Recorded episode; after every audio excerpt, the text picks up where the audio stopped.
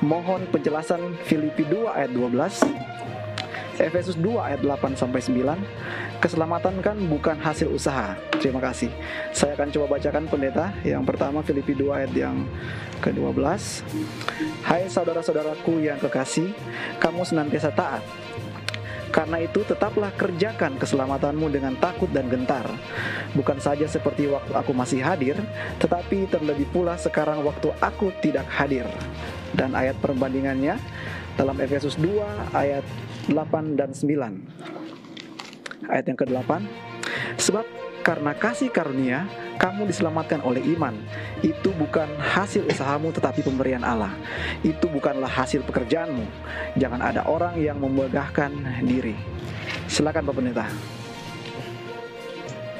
Baiklah, terima kasih untuk pertanyaan ini. Baik Filipi, surat Filipi maupun surat Efesus, dua-duanya ditulis oleh penulis yang sama, ya. yaitu Rasul Paulus. Paulus. Dan uh, Rasul Paulus di dalam menulis surat kepada jemaat di Filipi dan surat kepada jemaat di Efesus, Rasul Paulus diilhami oleh Roh Kudus.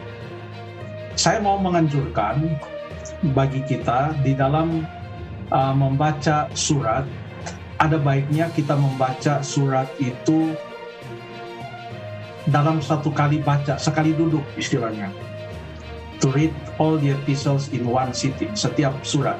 Karena surat-surat itu kan paling panjang ya, satu Korintus ada 16 pasal, lalu kemudian surat Roma ada 16 pasal.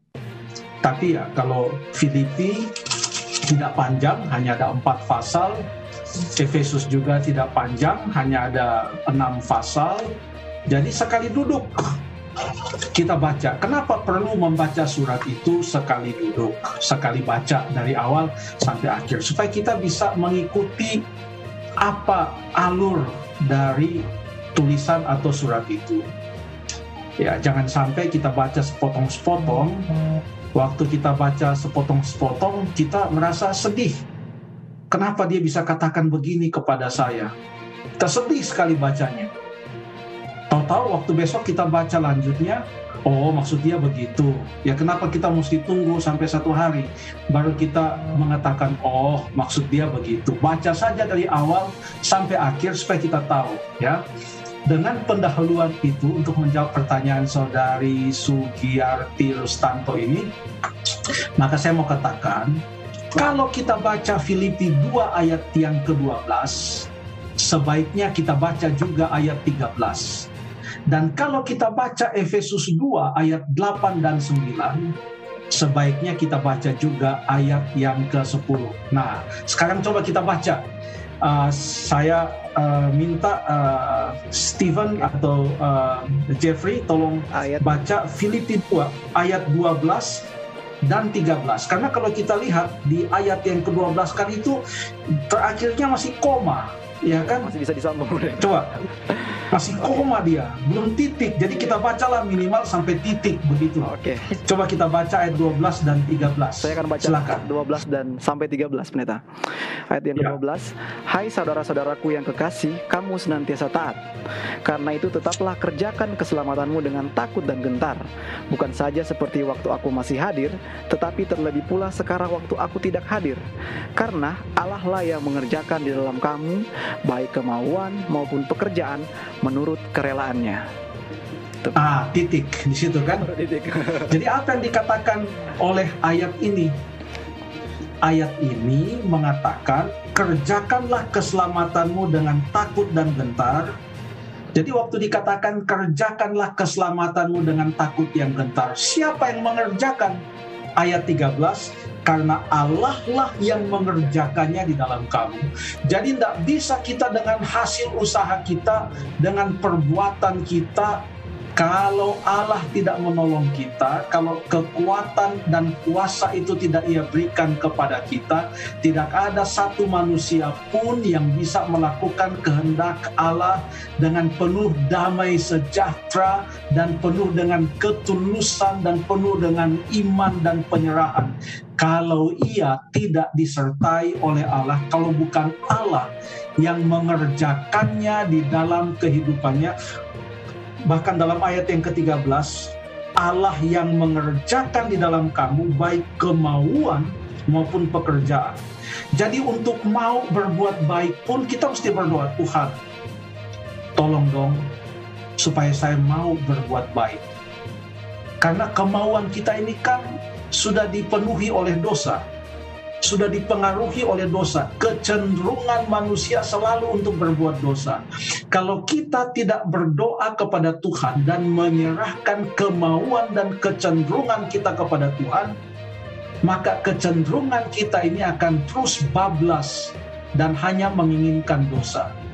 Jadi kita harus meminta Tuhan untuk mengerjakan baik kemauan kita agar supaya kita mau dengan ikhlas, dengan hati yang rela, karena Tuhan mengerjakan kemauan itu. Kita mau untuk melakukan kehendaknya. Inilah yang disebut dengan keselamatan oleh kasih karunia. Kenapa?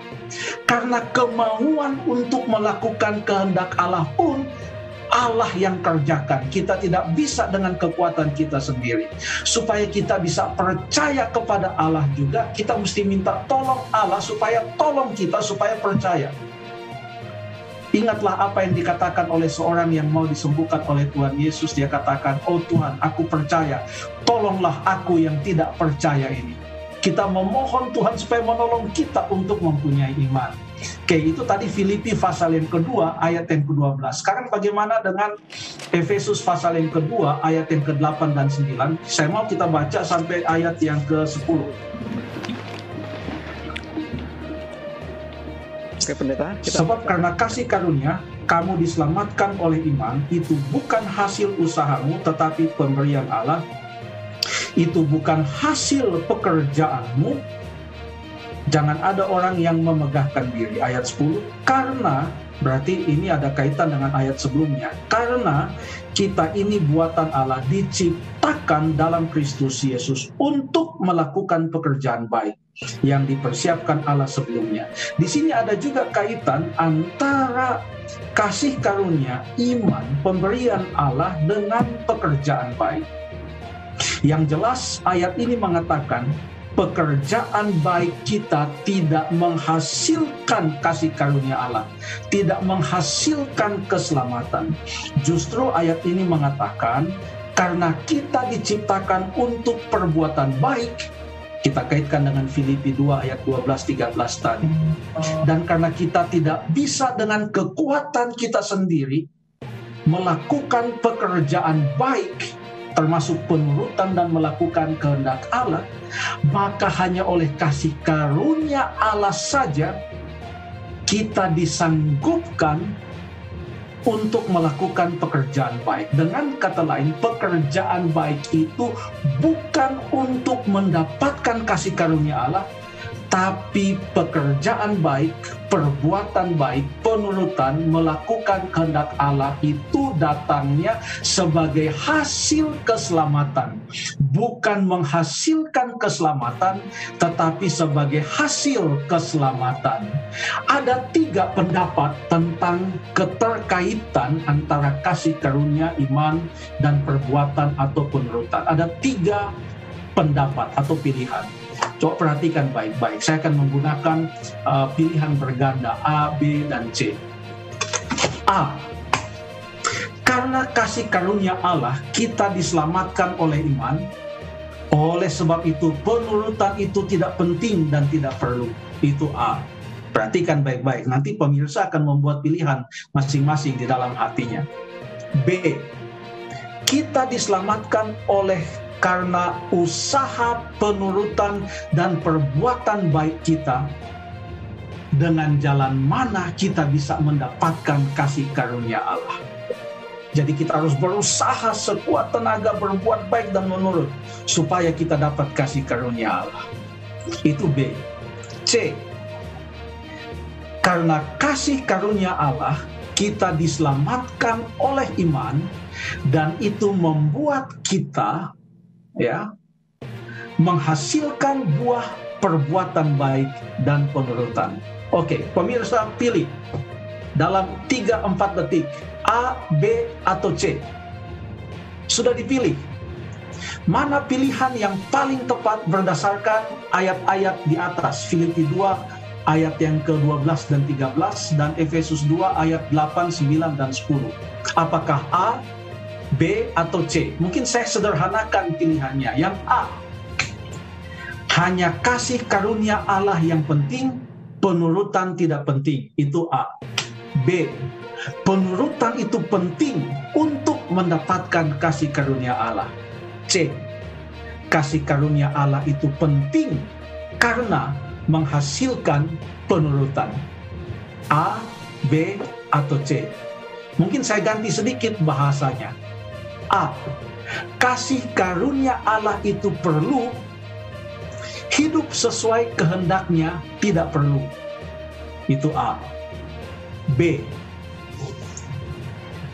Hidup sesuai kehendaknya perlu supaya kita mendapatkan kasih karunia Allah. C.